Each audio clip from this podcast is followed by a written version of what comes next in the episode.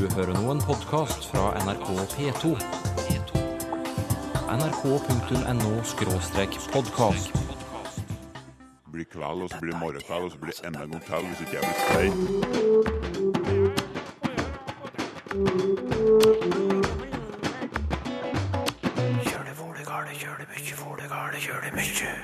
Den første romanen på kebabnorsk er her, og peker kanskje mot en framtidig ny norsk.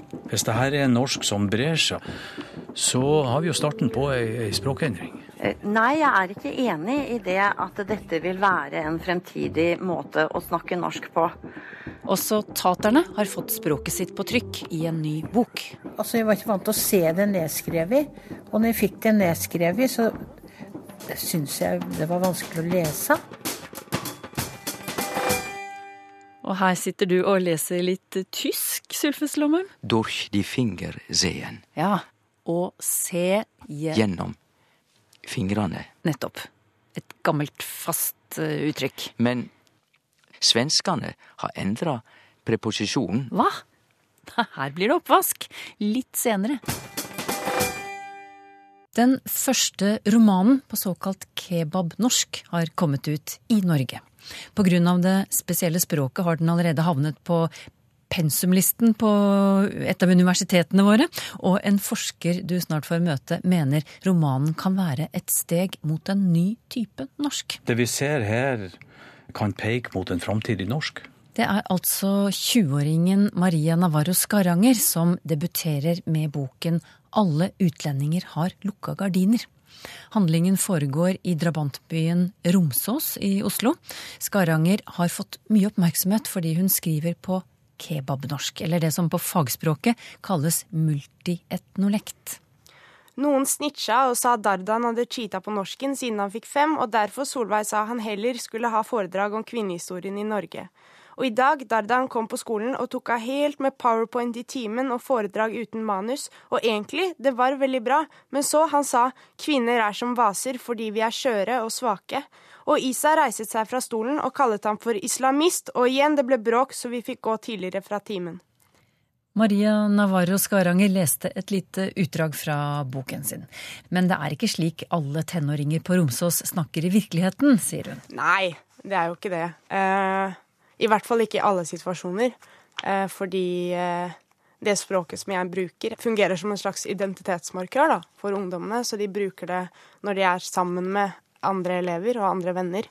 Ungdommer snakker jo ikke sånn med lærerne sine eller foreldrene sine. Det er spesielle situasjoner, da. Språket hun skriver på blir annet kalt kebabnorsk eller drabantbynorsk, og slik beskriver Maria Navarro Skaranger det. Nei, det er jo en eh, spesiell eh, ordstilling. Eller det er jo eh, Jeg bytter om ordene, og så har jeg konstruert det sånn at de får en, får en egen rytme som går igjen, da. Og som man nesten blir litt sånn avhengig av når man leser det. Og så er det Bruker man masse fremmedord hentet fra arabisk og engelsk og pakistansk punjabi. Ja, litt forskjellig sånn.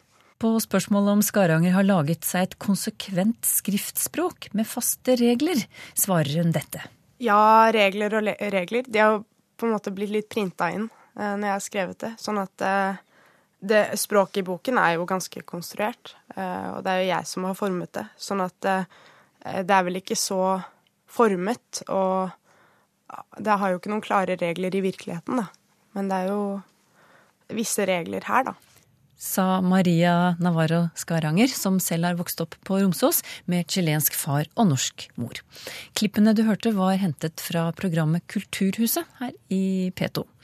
Språkforsker Olaf Husby, du har lest boken og sier at dette kan være et steg mot en ny type norsk, en framtidig norsk. Hva mener du med det? Ja, vi har jo fått eh, etter hvert ganske mange innvandrere i Norge, og det er klart de, den måten å snakke norsk på kan potensielt sett ha innvirkning på framtidig norsk. Hvis det her er norsk som brer seg, at mange nok aksepterer trekk i det her og begynner å bruke det, så har vi jo starten på ei, ei språkendring. Hvem er det som skal komme til å snakke denne norsken, da?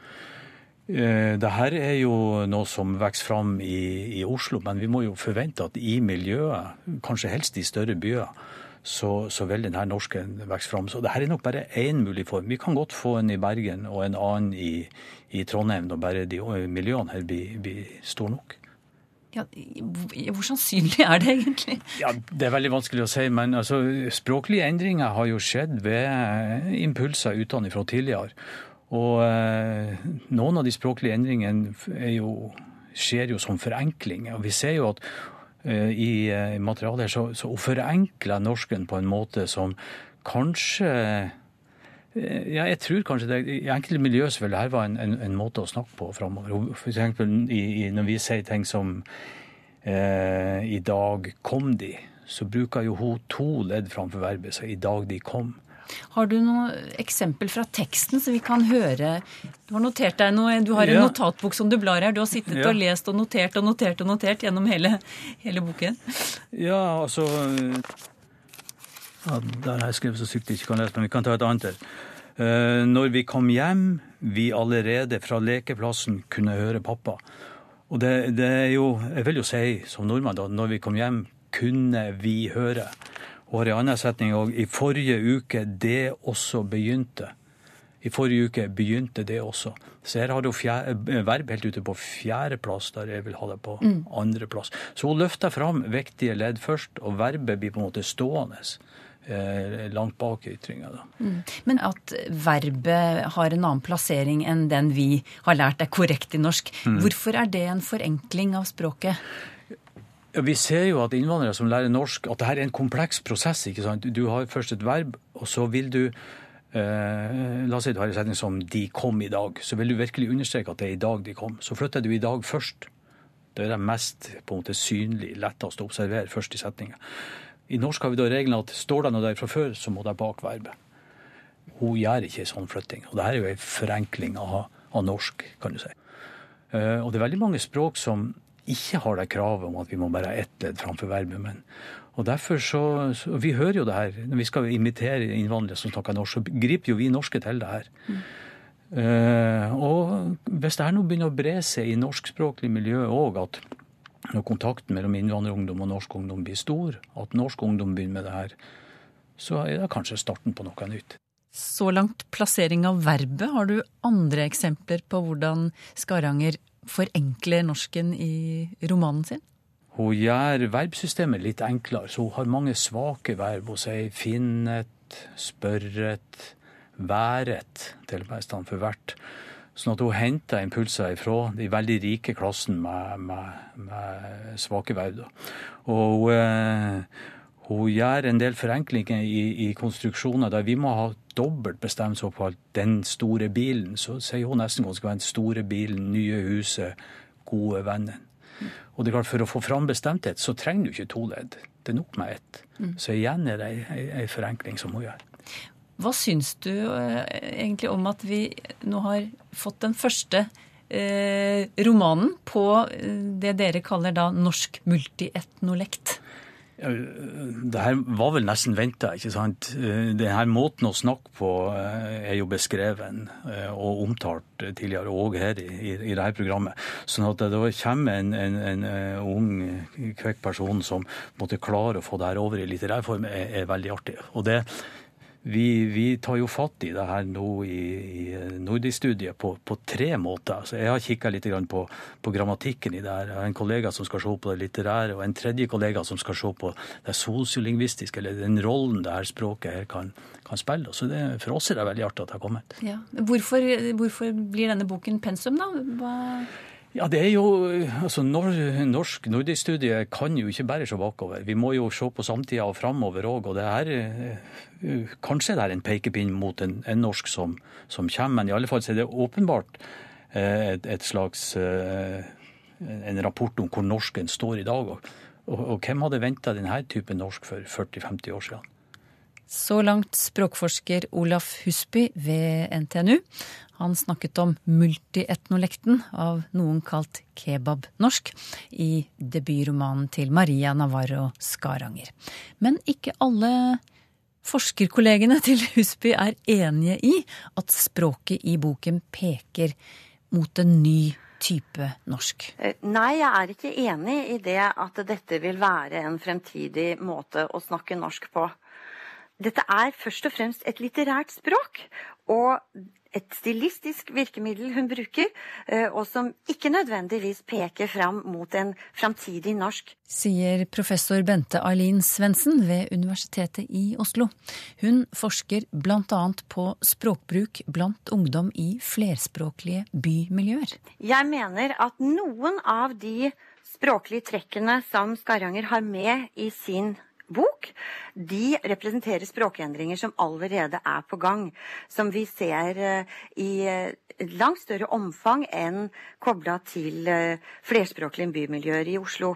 En av endringene Svendsen har registrert, er nettopp brudd på regelen om at verbet eller verbale skal ha andreplass i hovedsetninger i norsk. Dette er trekk som jeg har fanget opp blant uh, ungdommer som er i veldig språklig homogene miljøer.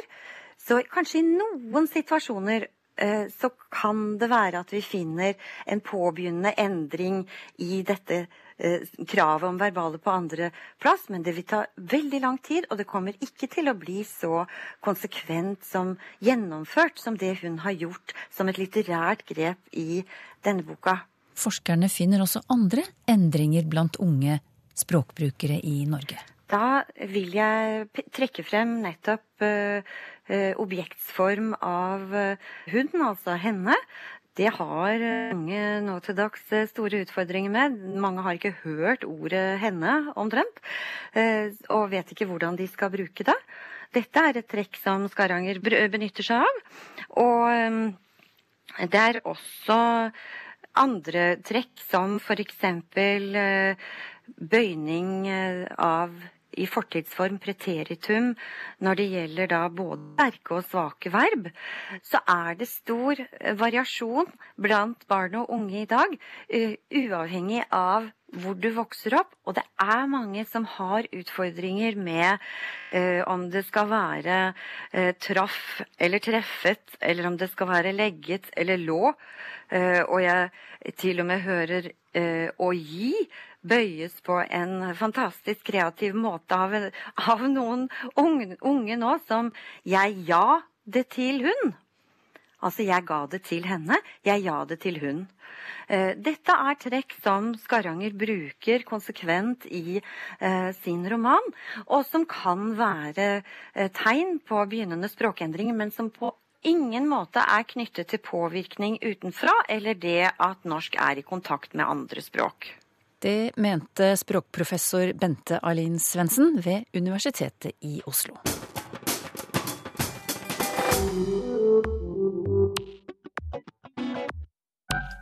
Mens vi snakker om spesielle utgivelser. Den første boken på norsk romani kom ut på tampen av fjoråret. Karas Anna. Mero hunkar gikk tikno vandrekjavo. Mero bodrar andre Norge helko bæsj. Slik høres det ut når Mariann Grønnerud leser fra boken som hun og moren Anna Gustavsen har skrevet. Mero stikka sikto sas vavrie tjavoar. Tiknot hunkar ski sikto buruane.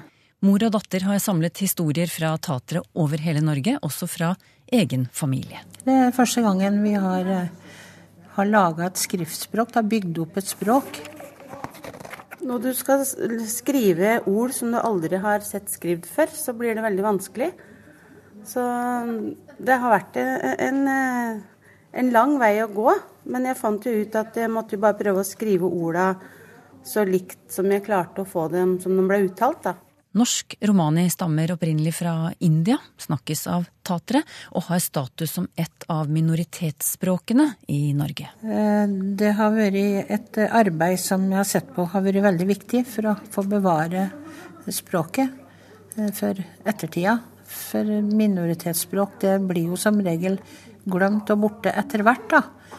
Eh, nå har vi jo et levende språk i dag, men kan si om 30-40 år så kanskje det er borte.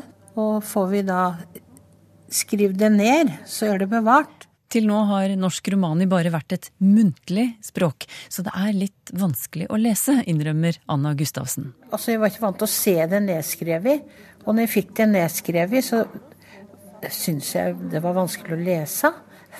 Du måtte venne deg til orda som sto les, eller skriv, da. Gikk nitan karas India. Dova hunkar durit van Norge. Ja, jeg er veldig stolt av at vi har fått det til. Og fått det såpass som det har blitt. Da. Så jeg håper folk blir fornøyd eh, over det arbeidet vi har gjort, og kan kanskje dra nytte av det. Ja, det er jo det vi håper, da. Språkprofessor Rolf Teil har samarbeidet med Mariann Grønnerud og Anna Gustavsen om å lage denne boken. Taterne har ikke hatt et eget skriftspråk, som nevnt, men Teil håper boken vil inspirere folk som snakker romani, til også å skrive det. I og med at vi nettopp tenker at det her skal kunne være som en slags lærebok, sånn at tatere som har glemt litt, kan freske opp språket sitt. og tatere som kanskje ikke kan noe, yngre tatere som ikke kan språket lenger. Altså, at de faktisk kan bruke det her sånn som eh, Ja, nettopp som en lærebok der de eh, kan få større kunnskap her. De har, eh, bak i boka så har jeg laga ordlister med oversettelse begge veier mellom romani og norsk, og det står litt om grammatikken og, og rettskrivinga. Så det skulle nettopp kunne fungere på den måten, da. Og i boken 'Vandriane rakrar', eller 'Taterne forteller', er alle tekstene oversatt til både bokmål og nynorsk, så de kan brukes i skolen over hele landet. Det er Taternes Landsforening som står bak utgivelsen.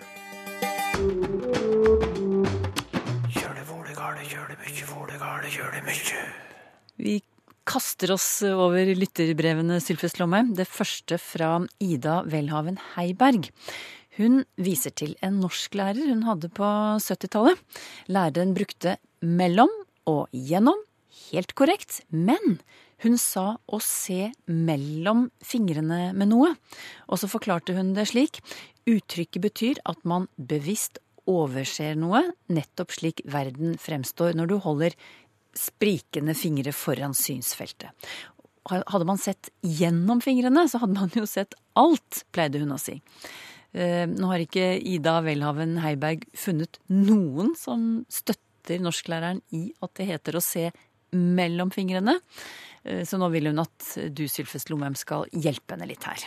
Ja, dette er et notorisk diskutert uttrykk, fordi det er jo ikke så lett å forstå.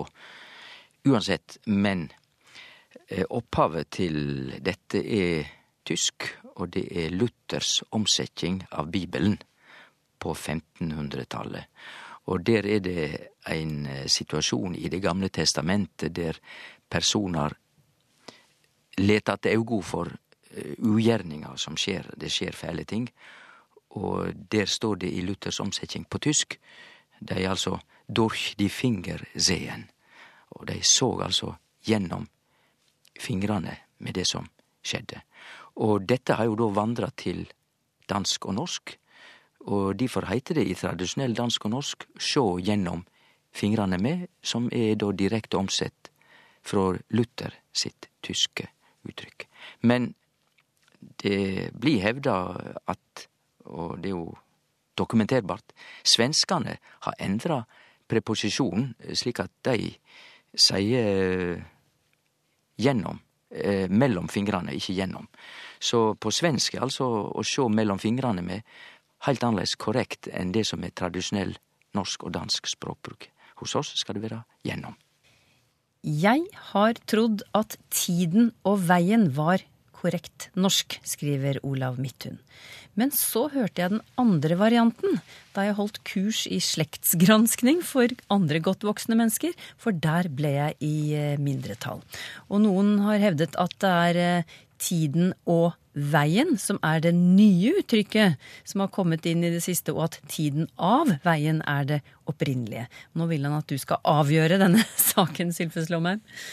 Ja, jeg veit ikke hvor grundig dokumentasjon jeg kunne ha skaffa meg på dette, men, men jeg vil jo bli veldig overraska om det let seg dokumentere at det er tida av veien som er det opphavlege uttrykket. Jeg syns ikke det gir spesielt god mening engang, og jeg visste ikke at det var såpass mykje i bruk, for jeg vil jo aldri vente å sjå noe annet enn tida og vegen, eller på bokmål, tiden og veien, for det er akkurat den tida og den vegen det tek for å, lat oss si, gjøre ferdig ei sak, eller hva det nå måtte være. Det gir jo god mening. Det er tida og vegen som avgjer. Mm. Jeg kan jo legge til at jeg gjorde et, eh, et lite søk i avissamlingen A-tekst, eh, og fikk 400, over 400 treff på tiden av veien. Men det eldste treffet var ganske nytt, det var liksom fra 1990-tallet og framover. Og hvis man søker på tiden og veien, så får man mange flere treff. Og ja. de er mye eldre også. Ja, ja, men du er jo flinkere til å se på nettet enn meg enn, men dette, dette gjør meg jo da rolig i min påstand om at uh, tida av veien er ei nylaging, og at det tradisjonelle uttrykket er jo tida og, og vegen. Og som jeg sa, det er jo det som gir god mening. Det andre gir ikke spesielt god mening. Ola Skålvik Elvevold noterer seg at stadig flere er, ja, som han sier, heldigvis, opptatt av hvordan det står til med klimaet på kloden. Men det virker som om stadig flere også konsekvent snakker om klima, og aldri klimaet. Eksempel, vi trenger utslippskutt for å redde klima. Men korrekt norsk i slike sammenhenger er vel å skrive og snakke om klimaet, eller? spør han. jo, det er helt rett. Grunnen til at det blir veldig mye klima, er at eh, hvis vi sier det i bestemt form, så er ikke det noe annet som skal sies på norsk enn klimaet. Og den e-en, den står jo ytterst uh, utsett til, da. Eh, mener, den forsvinner lett. Og vi har nokre, ikke mange ord i norsk der vi ofte hører egentlig den ubestemte forma, fordi den bestemte forma er slik at eh, endinga lett forsvinner. Klima er eitt ord. Eh, eksamen er eit anna ord. Når skal den eksamen være? Og da er det jo klart at jeg egentlig mener, hvis jeg sier det, når skal egentlig den eksamenen være? Men sier det NN, så vil den siste N lett forsvinne, og det samles med E-en i klimaet. Så det er forklaringa, men uh, i skrift er det jo ikke tvil om at vi må hugsa på den bestemte forma når vi skriver det, og uh, skal vi snakke skikkelig tydelig i radio, så bør vi òg si klimaet, og ikke klima, hvis vi meiner klimaet. Sjølve ordet klima er et gresk ord, det tyder helling, altså vinkelen på solstrålene mot jorda, og vi veit jo òg at det er det som i hovedsak skaper klimaet. Eh, sola har ei anna helling når hun skin på Skandinavia enn når hun skin på ekvator. Hvor kommer uttrykket 'nyte sitt otium' fra, spør Ann Helen Sundal. Og det var bra enn at du sa otium og ikke otium, for dette ordet kommer fra latin og eh, blir skrevet otium, men uttalen skal være otium. Så er det spørsmål hva tyder nå det? Jo, på latin tyder dette fritid eller kvila, og det blir brukt om eh, når folk slutter å arbeide og går over i, eh, i en tilstand der de ikke har fast arbeid lenger, og da kan de hvile, nyte den, den pensjonisttilstanden som de da går over i. Så otium fritid eller hvile. Og det er latin, og da begynte jeg å tenke på at det hebraiske ordet sabbat betyr jo om lag det samme, for sabbat betyr hvile. Så sabbaten er jo en, en hviledag. Og så kan jeg jo legge til at det hender jo, og enkelte sier det for spøk, men det har vel òg vårt eh, gjort slik i rein forsnakking. Nå nyt han sitt opium, og det blir noe annet. Opium er jo et eh, ei plantesaft eh, som blir brukt som Ja, det er jo gift, og det er et rusmiddel. Det kommer fra gresk, det ordet. Liv Stratton har bodd i England i 50 år, men leser norsk regelmessig, skriver hun. Og så uttrykket 'å gyve løs', forteller hun det, kjente hun ikke før hun kom over det i en roman nylig. Eh, hva kan du fortelle henne om å gyve løs, Sylfest? Ja, eh, jeg stussa litt over at ikke en person hadde hørt verbet gyve løs, men nå forstår jeg det jo veldig godt. Hun eh, har bodd veldig, veldig mye i England, Liv Stratton, og da er det jo ikke det så lett å holde kontakten med, med norsk. Så verbet å gyve er ikke, eller å gyve på nynorsk, det er jo ikke så veldig ukjent, tror jeg, for nordmenn flest. Å gyve løs er altså å gå løs på. Eh, sjølve ordet gyve ser jeg er i slekt med orda å gyse, eller også å gyte, det som fisken eh, gjør. Og det fører jo til at fellesmeininga som ligger til grunn for disse orda, er noe som strøymer fram. Det passer jo bra, og hvis du gyver løs, så strøymer det på. Men eh, det er jo òg et verb som kanskje ikke er så enkelt å bøye rett for de som vil bøye det, så kanskje skal repetere hvordan korleis vi behandler det verbet når vi skal bøye det. Og det er det slik at uh, med, med gyv, eller vi gyver i nåtid, og i fortid på bokmål til dømme, så er det altså valfritt om vi gjøv løs, eller vi gjøyv løs på noen. Og i partisipp altså perfekte partisipp. Vi har gyvd løs, eller vi har gjøvet løs på noe. Og disse formene er jo ikke opplagde, så verbøying i norsk er jo ikke enkelt. Det er jo sant det du sier der, Sylfus Lomme, men samtidig så kan jeg jo legge til at eh, bokmålsordboka eh, den er tilgjengelig gratis på nett. Den kan du få både fra smarttelefonen din og PC-en din og nettbrettet ditt og hva du nå bruker. Og der eh, får du all informasjon om bøyningsformer, om hva ordene betyr, osv., osv. Både bokmål og, nynorsk. Så det er et veldig godt redskap som jeg må si jeg bruker hver dag. Så det er en, en liten anbefaling til alle lyttere. Har du spørsmål til Språkteigen? Skriv til Teigen, krøllalfa nrk.no, eller til Språkteigen, NRK P2, 7005, Trondheim. Så finner du oss også på Twitter og på Facebook. Russeluft i Finnmark er norsk oversettelse av det samiske stedsnavnet Ruasjalokta. Og det er et av mange eksempler på hvordan den opprinnelige betydningen har gått tapt på norsk. Og det som er det verste, det er jo at disse forvrengningene de blir helt meningsløse. Slik at det blir ganske komisk mange ganger å høre disse navnene. Språkteigen om en uke.